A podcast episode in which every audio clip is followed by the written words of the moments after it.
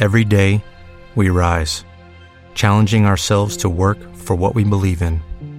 At U.S. Border Patrol, protecting our borders is more than a job, it's a calling. Agents answer the call, working together to keep our country and communities safe. If you are ready for a new mission, join U.S. Border Patrol and go beyond. Learn more at cbp.gov/careers.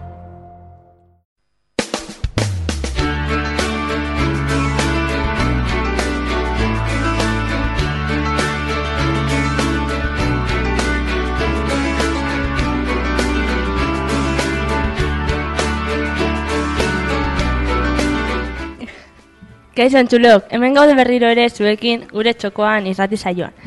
E, Antxon, konta iguzu, gaur bidaietan zertaz nora joango gara? Bueno, kauso, kaixo guztioi, ba, gaur bidaietan New Yorkera joango gara. Eta ze musika antzuko dugu, Stefani? Bueno, ba, gaur Bob Dylan buruz e, itzengo dizugu eta beraren, beraren musika entzungo dugu. Bueno, baina saioa hasi baino lehen, gaur, otxailaren am, e, amaseian, Eba, pero sanzen sorionak dira, amasi urte betetzen ditu eta mendikan sorionak. Sorionak, Eba. Ezkerrik asko. Baina az gaitezen ja irratzaioarekin.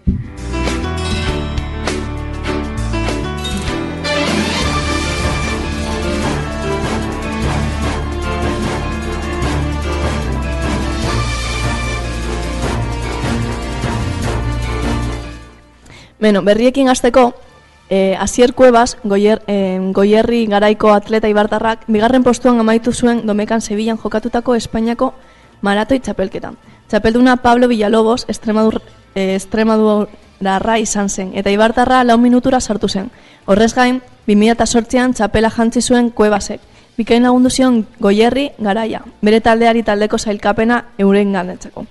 Berarekin puntuatu zuten Iker Maiorak, e, amasigarren postuan, eta Ibon Esparsak e, hogeita maikgarrena.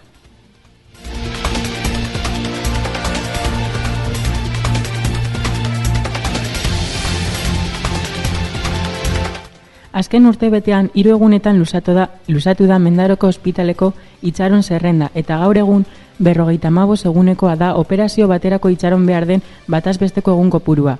Proba osagarriak egiteko bestalde hiru egunera ematen dizute zita. Jaitzi egin den tartea kontsulta pasatzeko itxaron behar den egun kopuruena da, gaur egun amabi egun itxaron behar dira. Orain dela bi urte amazazpi itxaron behar ziren. Joder.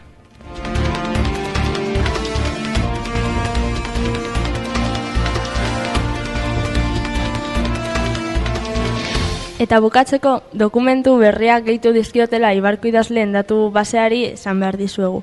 Ibarko idazleen lanak eta gure herriari buruz idatzitakoak biltzen dituen datu basean, dokumentu gehiago sarreratu ditu ego Ibarra batzordeak. Eta lehenagotik zauden beste berri batzuk gehitu dizkiete. Tartean, mila bederatzeron da berrogeita emeretziko euskal zaleen biltzarrekoak. Ego Ibarratik adiraz, adirazitakoaren arabera, mila bederatzeron da berrogeita ma, emeretziko azaroaren zeitik sortzeira, Ibarren egin zen Euskal Zalen biltzarosoa jasotzen duen Euskal Tzaindiaren alea dakargu oraingoa. Mogel zuzena izpide eta aipagai. Altube, txaide, lojendio, arrue eta orain dira gutxi, zendu duzen e, Javier Zubiaurre Ibartarraren mogel eta burtigintza. Bertan daude.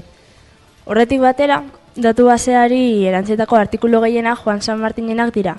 Eganen eta RSBAPko buletinean argitara emandakoak. Baina badaude baitare Montserrat Garate, Ramiro Larrañaga, Iturrioz eta Serafin Basaurinenak ere.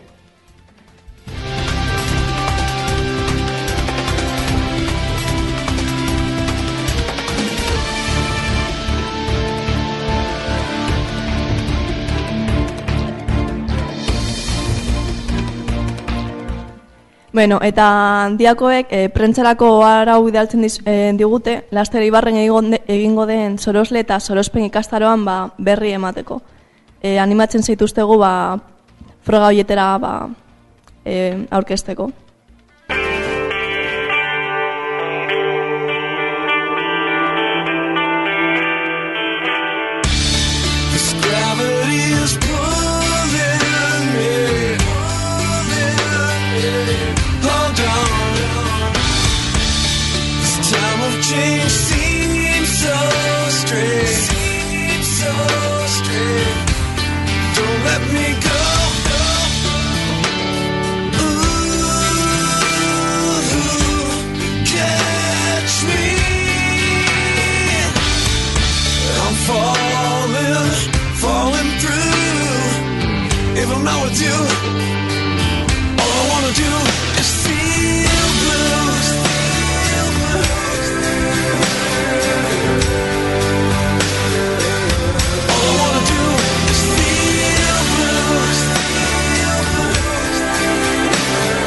Eta saiarekin hasteko orain Blue abestia dugu, Tommy Lirena, eta jarraian Antzonek New Yorkera eramango gaitu bidaieta.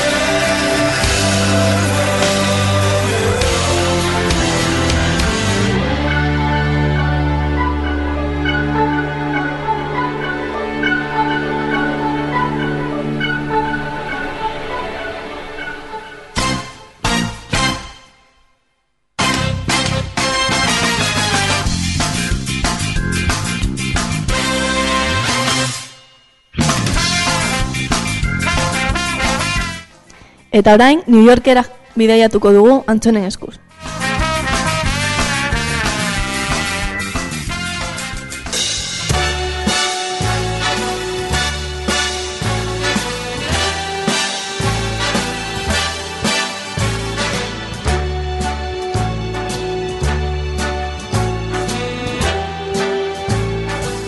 Start spreading the news.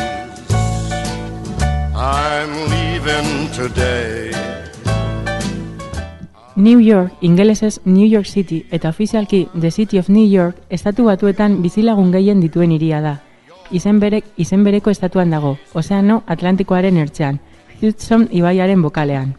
Herbereak eratu zuten mila zeireun eta hogeita garrenean, merkataritza helburuetako gune gisa eta estatu batuetako hiriburua izan zen. Hasieran, iria Manhattan uarteko hegoaldean er- eraiki zen, baina emeretzigarren mendearen hiribilbidea etengabe edatu zen. The City That Never Sleeps ez izena eman diote, inoiz lo egiten duen iria alegia. Iriak gau ez duen bizitza dela eta.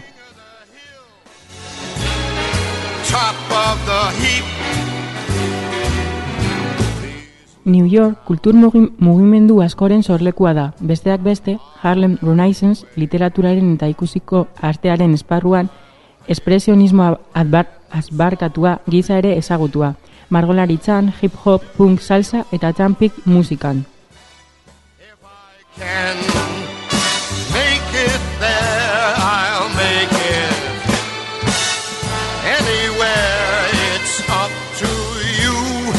New York, New York. New Yorkeko parkeak eta hogeita bi kilometroko ondartza publiko ditu. Naturagunen nagusiak honakoak dira. Central Park, Manhattan bertan dagoena, Flus Meadows Corona Parkes Queensen kokatuta, eta Prosted Park, Brooklyn, Brook- Brooklynen kokatuta. Hiriko jarduera ekonomikorik nagusite, nagusitenariko bat turismoa da. New Yorkek urtero berrogei milioi bizitari inguru dituelako. Lekurik bizitatuenak Empire State, Ellis Uartea, Broadwayko antzerkiak, Met Museoa, Central Park, Rolles Center, Times Square, Bronzesko zoologikoa edo lorategi botanikoak dira. Bosgarren eta Madison etorbiden kokatuta daude hiriko saltoki garestenik batzuk.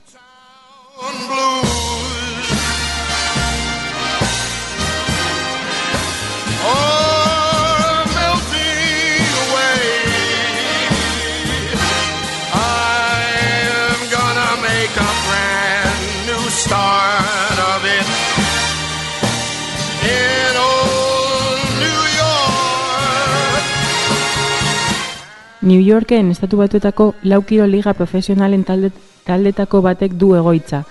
Hona hemen hiriko talde nagusiak.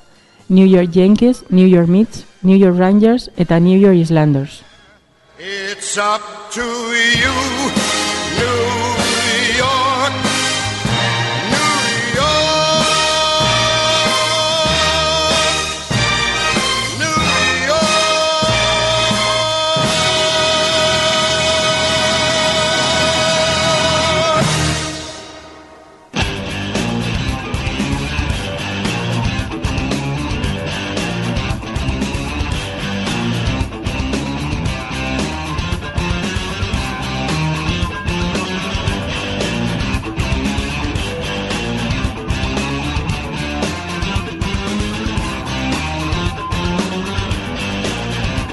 Jarraitzeko musikatara dugu eta gaur Stefanik Bob Dylaneri buruz etxe egingo digu.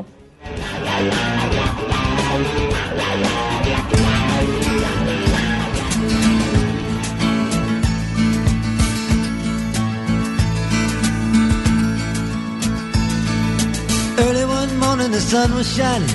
I was laying in bed, wondering if she changed it all, if her hair was still red. Her folks, they said our lives together sure was gonna be rough. They never did like Mama's homemade dress. Papa's banquet wasn't big enough. Bob Dylan, Bob Dylan e, Ameriketako estatu batuetako musikari bat da, abeslari eta olerkaria.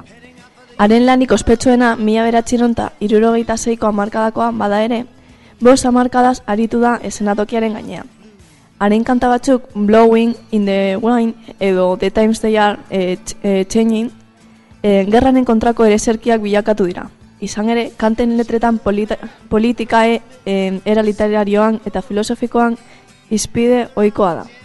Bere estiloa zabaldu da denborak aurrera egin ahala.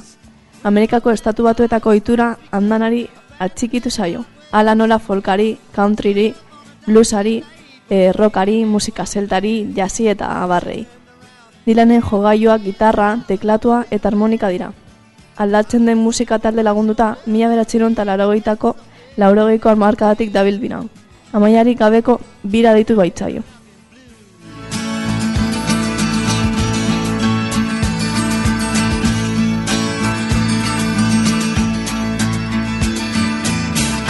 Job in the great North Woods, working as a cook for a spell.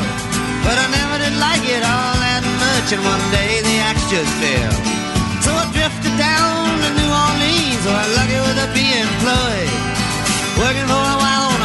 Boat right outside of Delacroix. But all the while I was alone, the past was close behind. I seen a lot of women. Dylanen zuzeneko emanaldiek bere karreran parte hartze handia izan badut ere, Dylanen musikagintzak jaso ditu kritika beroenak. Literaturako Nobel sarirako izendapena eman diote behin baino gehiagotan. Bob Dylanen aitak petrolero-antegi batentzat lan egiten zue, zuelako bizi zirenan, Minnesotan. Mila beratxiron eta berrogeita zazpigarren urtean, familia beste herri batera bizitzera joan zen. Han, Bob poemak irakurtzen hasi zen eta musikarekiko interesa handituz joan zitzaion. Bertan pianoa eta gitarra jotzen ikasi zituen. Mila beratxiron eta berrogeita ama- emeretzian, e, Dylan Minnesotako unibertsitatera sartu zen. Hiri handi batera bizitzera joan izanak eta ate asko ireki zizkion, musika estilo asko ezagutuz, country musikatik rock musikaraino.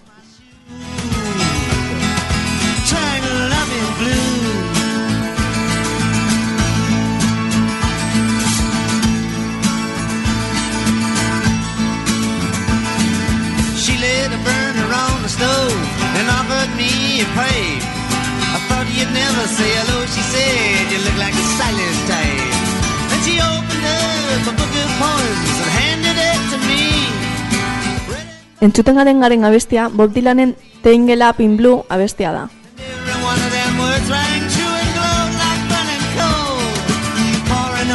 Of every page like it was written in my soul. But me to you.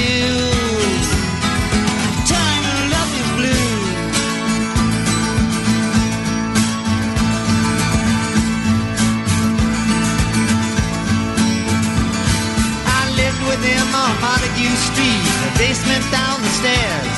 There was music in the cafes at night and revolution in the air. Then he started into dealing with slaves and something inside of him died. She had to sell everything she owned and froze up inside. And when it finally the bottom fell out, I became withdrawn. The only thing I knew how to do was to keep on keeping on like a bird that flew.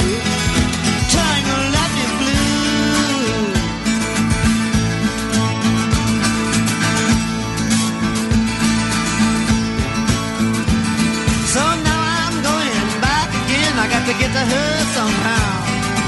All the people we used to know, they're an illusion to me now. Some are mathematicians, some are carpenters' wives. Don't know how it all got started. I don't know what they're doing with their lives. But me, I'm still on the road, heading for another joint. We always did feel the same. We just saw it from a different point of view.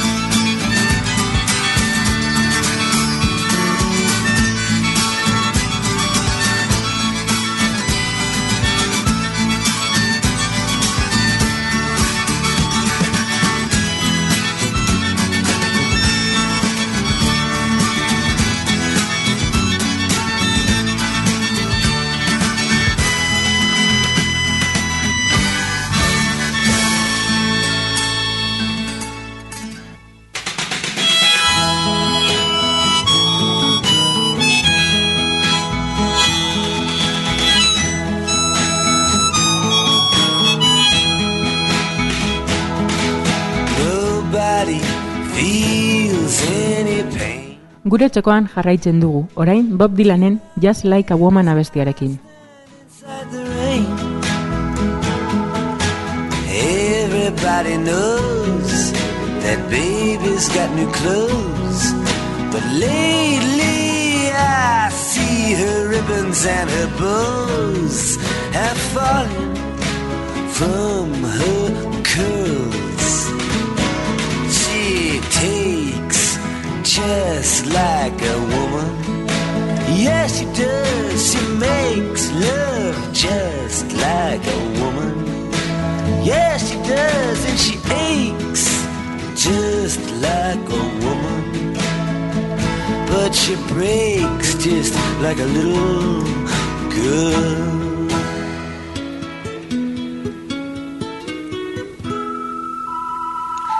Queen Mary, she's my friend.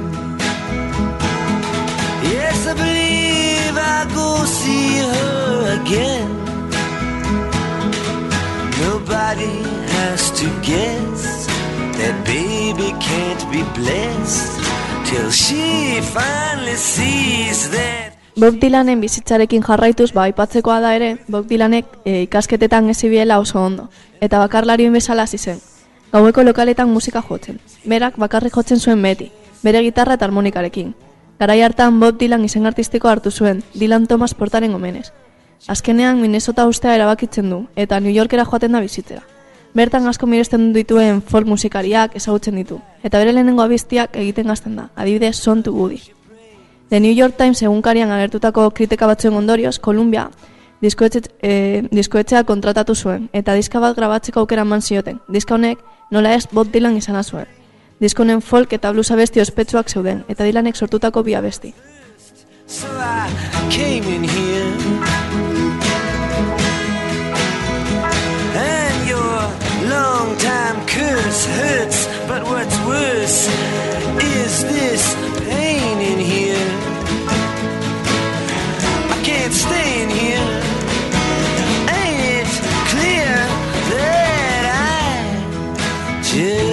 Can't fit? Yes, I believe it's time for us to quit. And when we meet again, introduced as friends, please don't let on that you knew me when I was hungry and it was your world.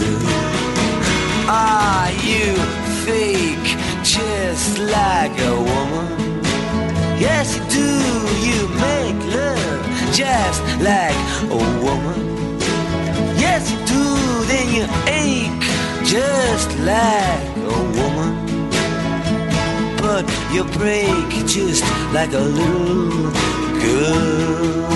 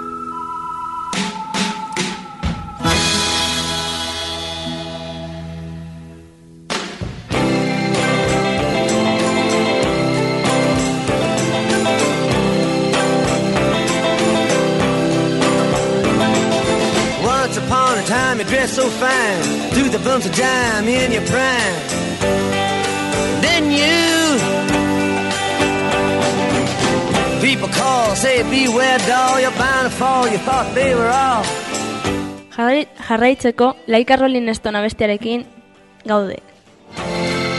You used to laugh about everybody that was hanging out. Now you don't talk so loud. Now you don't seem so proud about having to be scrounging Mila bederatzireon eta irurogeit, irurogeita iruan, e, Bob Dylanek bere bigarren albuma kaleratzen du, The Free Willing. Lan honetan, e, irurogei garren amarkadako simbolo izango dit, diren bi abesti agertzen dira, Blowing in the Wind eta e, A Harrowing is Gonna Fall. Bob, Rolling Stone.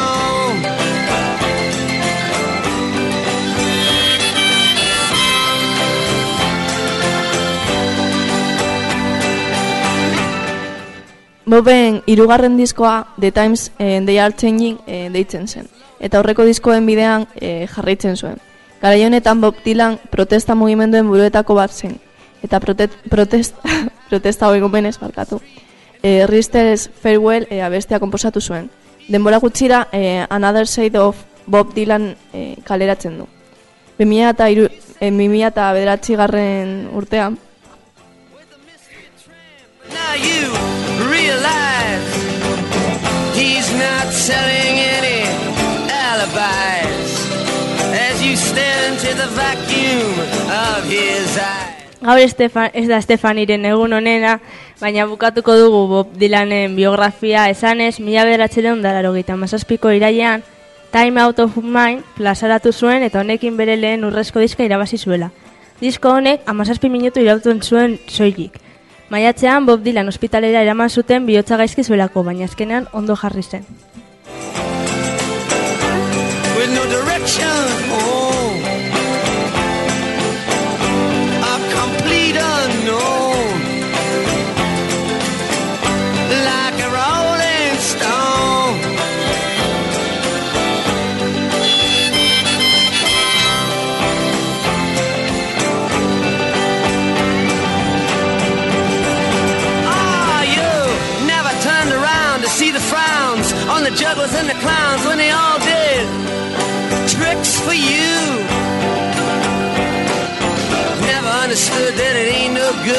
You shouldn't let other people get your kicks for you.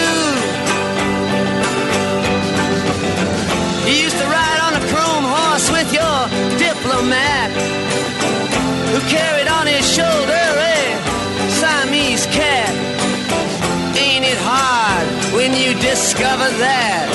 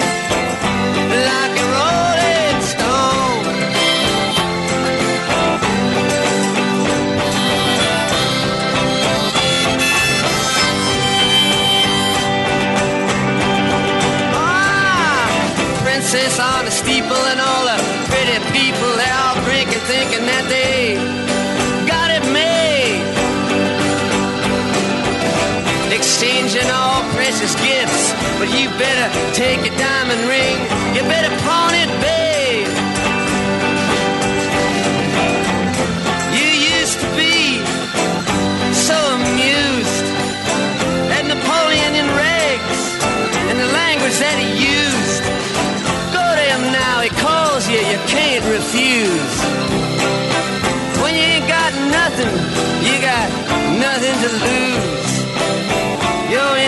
You're invisible now, you got no secrets to conceal.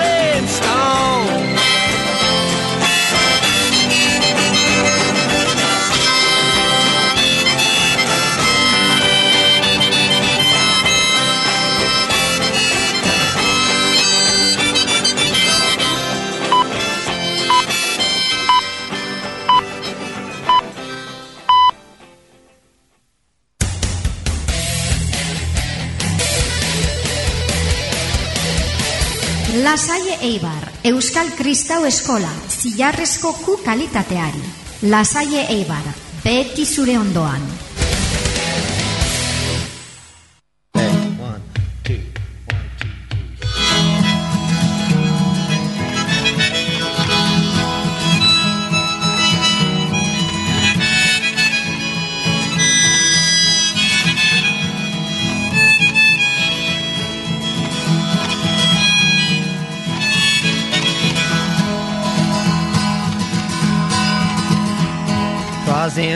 Another lifetime, one of toil and blood. When blackness was a virtue and the road was full of mud. I come in from the wilderness, a creature void of form. Come in, she said, I'll give ya. Bueno, eta gure txokoan jarraitzen dugu. Orain, Bob Dylanen Shelton from the Storm abestiarekin. If I pass this way again, you can rest assured. I'll always for her, on that I give my word. In a world of steel-eyed death and men who are fighting to be warm. Come in, she said, I'll give you shelter from the storm. Not a word was spoke between us, there was no risk involved. Nothing up to that point had even been resolved. Try imagining a place where it's always safe and warm. Come in, she said, I'll give ya shelter from the storm.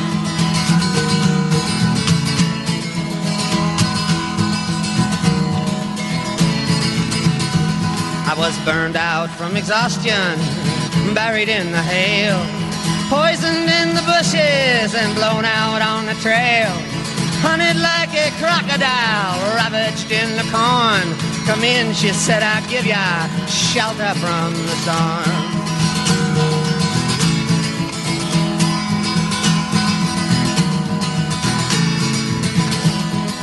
Suddenly, I turned around and she was standing there with silver bracelets on her wrists and flowers in her hair.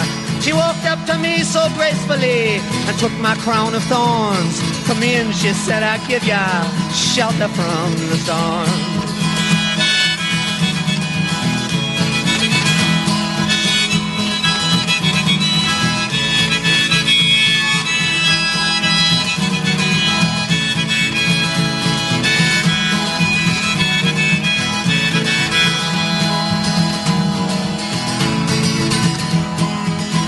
Bonds are broken, but they can be retied. For one more journey to the woods, the holes where spirits hide. It's a never-ending battle for a peace that's always torn. Come in, she said, I'll give ya shelter from the storm.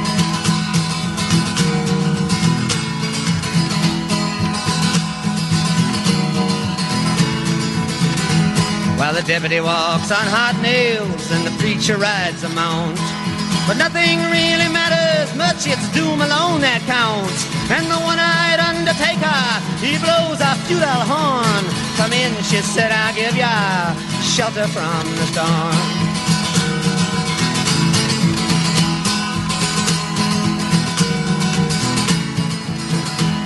Well, I've heard newborn babies crying like a moaning dove.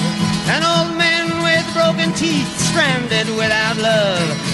I understand your question, man? Is it hopeless and forlorn? Come in, she said, I'll give ya shelter from the storm.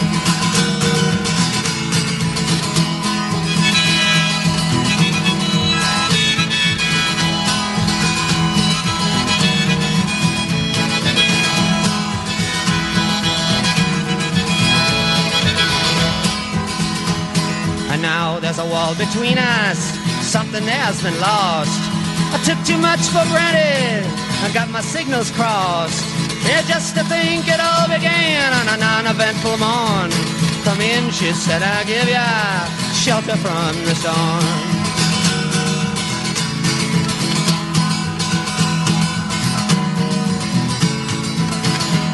In a little hilltop village, they gambled for my clothes. I'm begging for salvation and she give me a lethal dose. Innocence, got repaid with scorn. Come in, she said, I give ya shelter from the storm.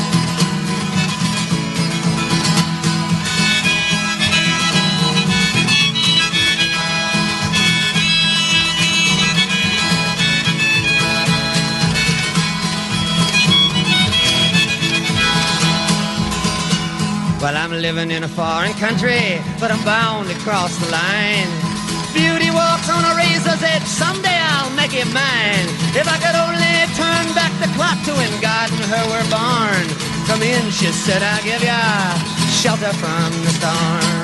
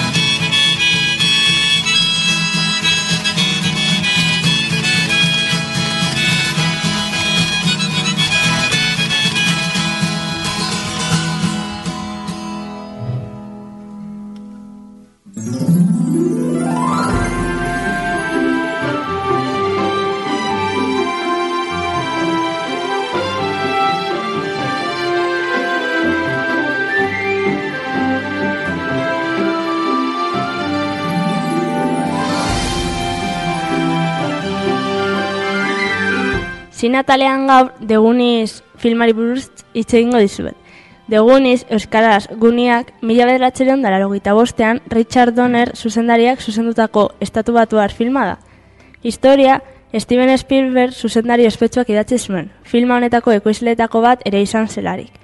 Filmarako espreski moldatutako gidoia aldiz Chris Columbus gidoigileak idatzi zuen. Oregon estatuko Astoria udalerrian filmatu zena.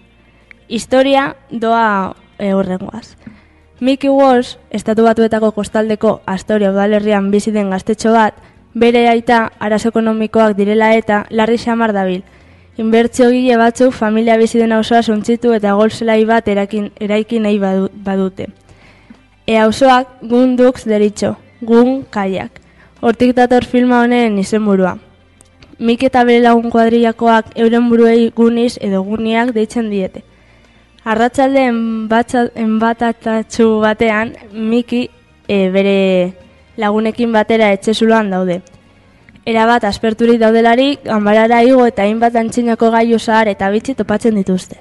Haien artean, nahi gabe, Willy begi bakarra delako baten altxorraren mapa topatuko dute. Hau dela, mende batzuk bere eskifaiaren batera desagertu zen pirata bat izan zen. Orduan, lagun kuadrilla euren familian estualdik ekonomikoa konpondu dezakeen altxorraren bila kaleratzera erabakiko dute. Hau lortuko balute, gunien taldea betirako deseginez. Altxorraren bilaketa kostaldeko taberna zehar baten lurpera eramango ditu. Taberna horren jabeak, frateriarrak dira, altxorra bere ganatzeko irrikia duen banku lapur familia. Guniek piratak trampez josiriko lurpeko pasabideetan artean eta frateriarrak atzetik jarraitzen dituztela altxorraren bilaketa abenturari egingo diote.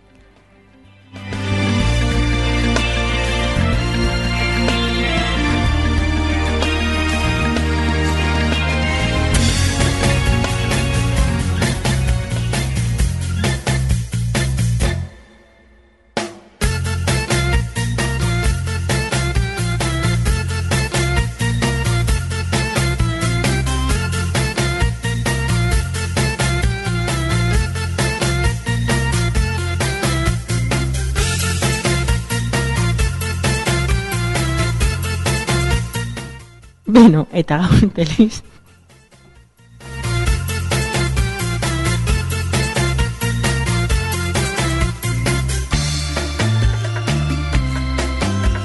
Beno, eta gaur telebista talean Enziz telesaili buruz hitz egingo dizuet.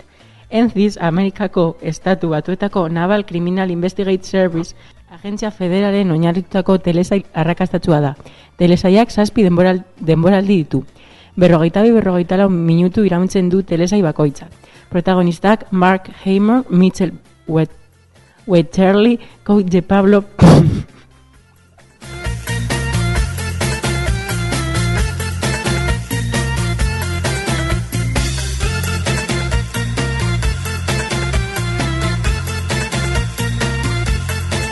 Ikusten duzuenez, ba, gaurko irratsaioa barrez beterik daude, bain, eta ni berriro ere jarraituko dut. E, Enziz Los Angeles izenarekin e, spin-off bat sortu zuten telesaia hauetakoak. Laburpena horrela esanez, ba, da Enziz e, Amerikako estatu batuetako itxasarmadaren eta marinaren gorputzen polizia militarra da. Egoitza nagusia Washington irian dago eta bertan jarduten dute telesaieko agenteak. Enziz taldea, Leroy Jetro Gibbs, Mark Harmondena, agente bereziak, Anthony, Tony, Dinoso, Michael Weatherly, agente bereziak, Timothy McGee, Sin Murray, agente bereziak, eta Shiva David edo Kote de Pablo ofizialak osatzen dute.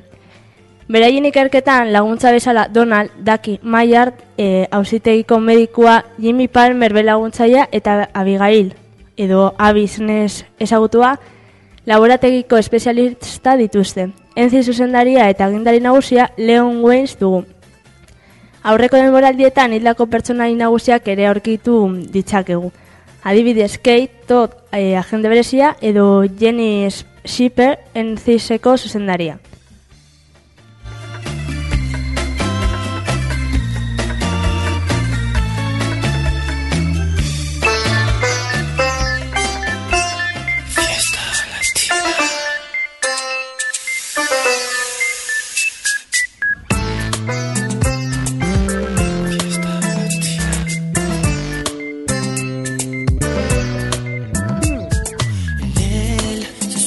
saioan jarraitzeko Lorenzoren Fiesta Latina bestia.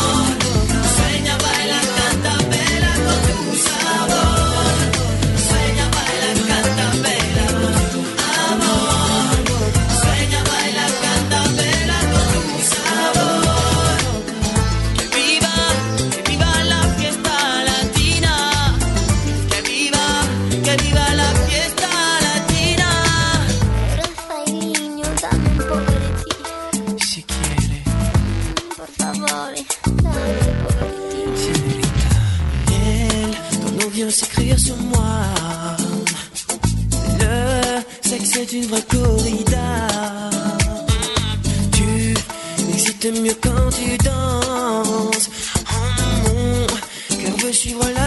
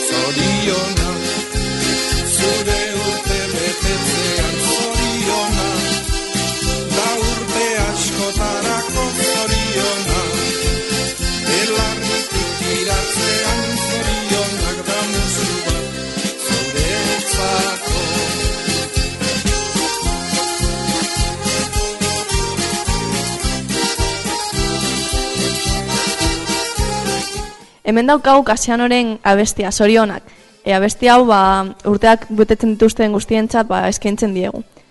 Eta batez ere gure partaidetzari txari e, Eba, pero sal... Bai, eskerrik asko, baina ere gaur... Adibidez, Jenny, Jennifer Gomezen urtebetetzea da. Bai, otxailaren hogeita lauan gazton ezena. Hogeita bostean, Arrate Villa García eta Maia Fria zena. Hogeita zeian, Andoni López eta hogeita zazpian Xabier Izagirrena. Hemendikan sorionak, ez, e, bueno, sorionak guztientzako. Eta, eta bestia hau eskaintzen dio guztientzako.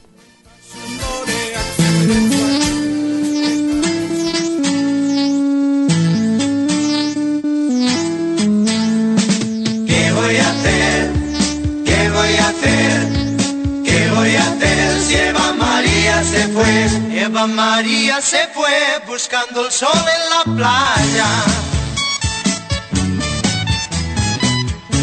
Maleta de piel y su bikini de rayas. Ella se marchó y solo me dejó recuerdos de su ausencia. Sin la menor indulgencia, Eva María se fue. Pasó las noches así pensando en Eva María. Puedo dormir, miro su fotografía. Qué bonita está bañándose en el mar, rostrándose en la arena.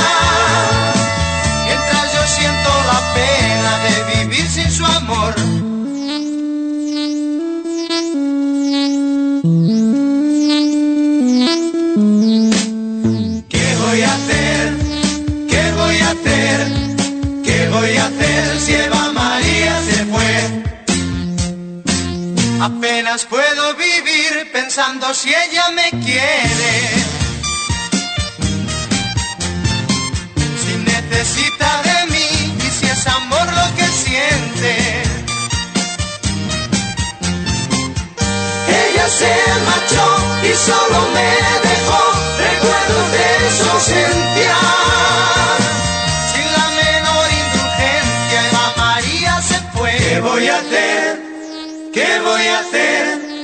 ¿Qué voy a hacer si Eva María se fue? ¿Qué voy a hacer? ¿Qué voy a hacer? ¿Qué voy a hacer si Eva María se fue? Eva María se fue buscando el sol en la playa. Eva María se fue buscando el sol en la playa. Su maleta de piel y su bikini de. Su maleta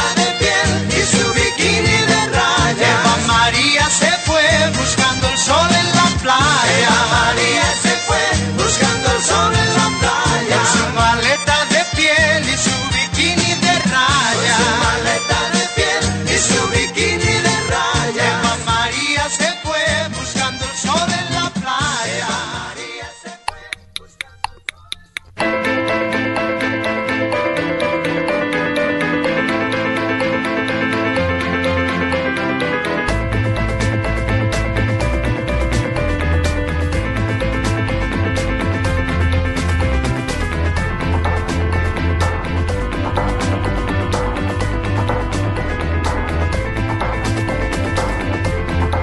Gaur literatura talean e, olerki gintzari buruz hitz egingo du- dugu.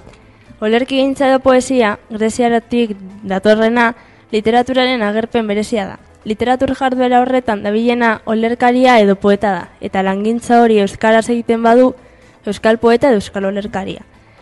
Olerki gintzaren ezaugarriak e, lau dira bereziki. Egileak bere buruari eta inguruan duen munduari begiratzean sentitzen dituen sentimenduak eta zirrarak adierazten ditu, e, bigarrena hizkuntzaren erabilera berezia da alderde estetikoak garrantzi handia dituztelako, hirugarrena olerkiak laburrak izaten direla, eta laugarrena arau batzuk izaten dituztela, hots, erritmoa, neurria eta errima zehatz batu- batzuk. Eta euskal olerkari bat esanez, ba, adibidez kirmen uribe dugu, bere bitartean heldu eskutik e, poesia liburua argitaratu zuena. Oso harrera ona izan zuen liburuak eta honez gero itzuli dute beste hizkuntza batzuetara, ere tartean gaztelania, frantses eta ingelesa. Jon Cortázar kritikariarekin e, kritikariaren ustez liburu hau iraultza lasaia izan zen euskal literaturaren munduan hogeita bat garren mendean hasieran.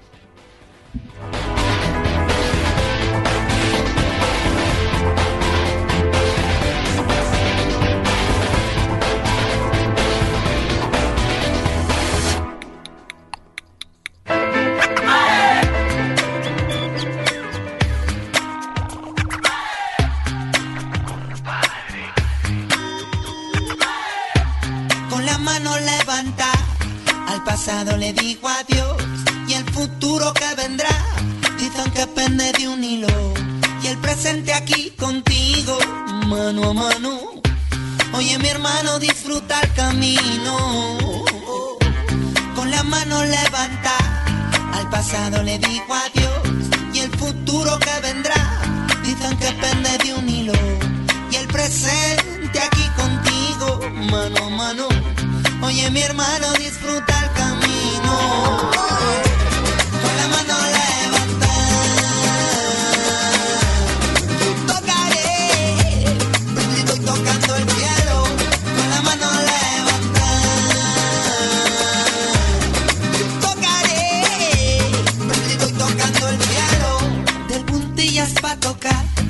Subiendo un escalón, escribiendo otra canción de escaleras al cielo. Busco un sitio para saltar que me dé alas pa' volar. Realidad a ras de suelo. Con las manos levantadas, no nos vieron al pasar. ¿Cuántas manos hay que alzar para que escuchen de nuevo? Duerma la imaginación, tu escudo no protection, intuyendo el movimiento. Con la mano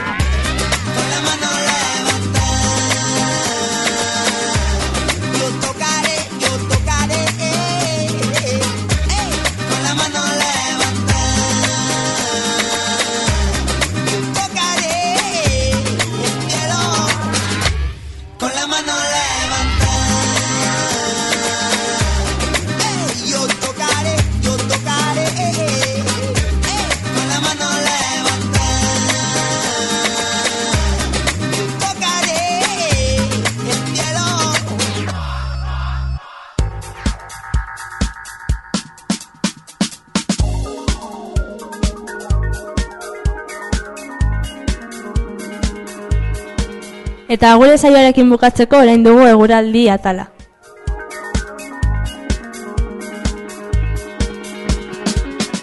Kaixo, eh, aste guztiko, eh, aste guztirako iragarpena, eh, otxantirik ez da egongo, baina guraldi baldarra egongo da.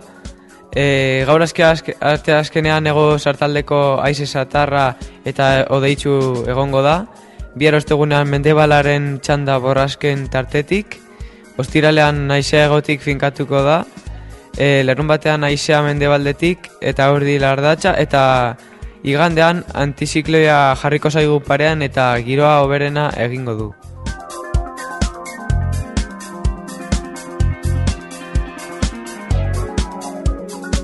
Momentu honetan Google Studiotik kanpu e, 10 gradu sentigraduko temperatura dago eta euneko berrogeita sortxiko esetasuna.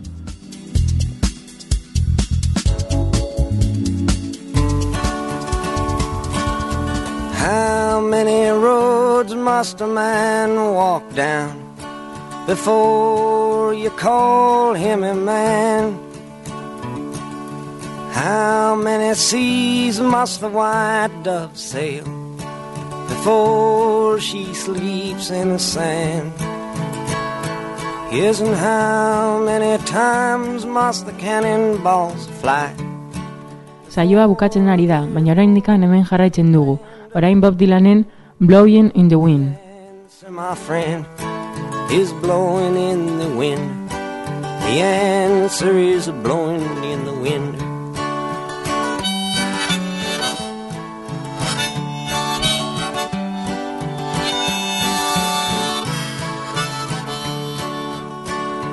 Yes, and how many years can a mountain exist before it is washed to the sea?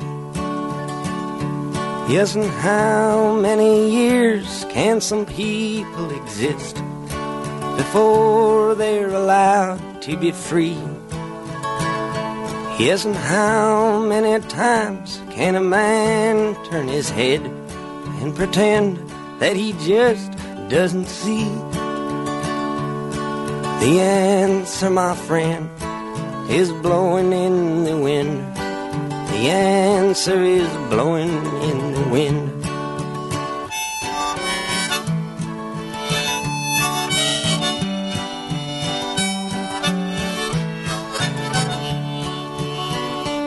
Yes, and how many times must a man look up before he can see the sky? Yes, and how many ears must one man have before he can hear people cry? Yes, and how many deaths will it take till he knows that too many people have died? The answer, my friend, is blowing in the wind. The answer is blowing in the wind.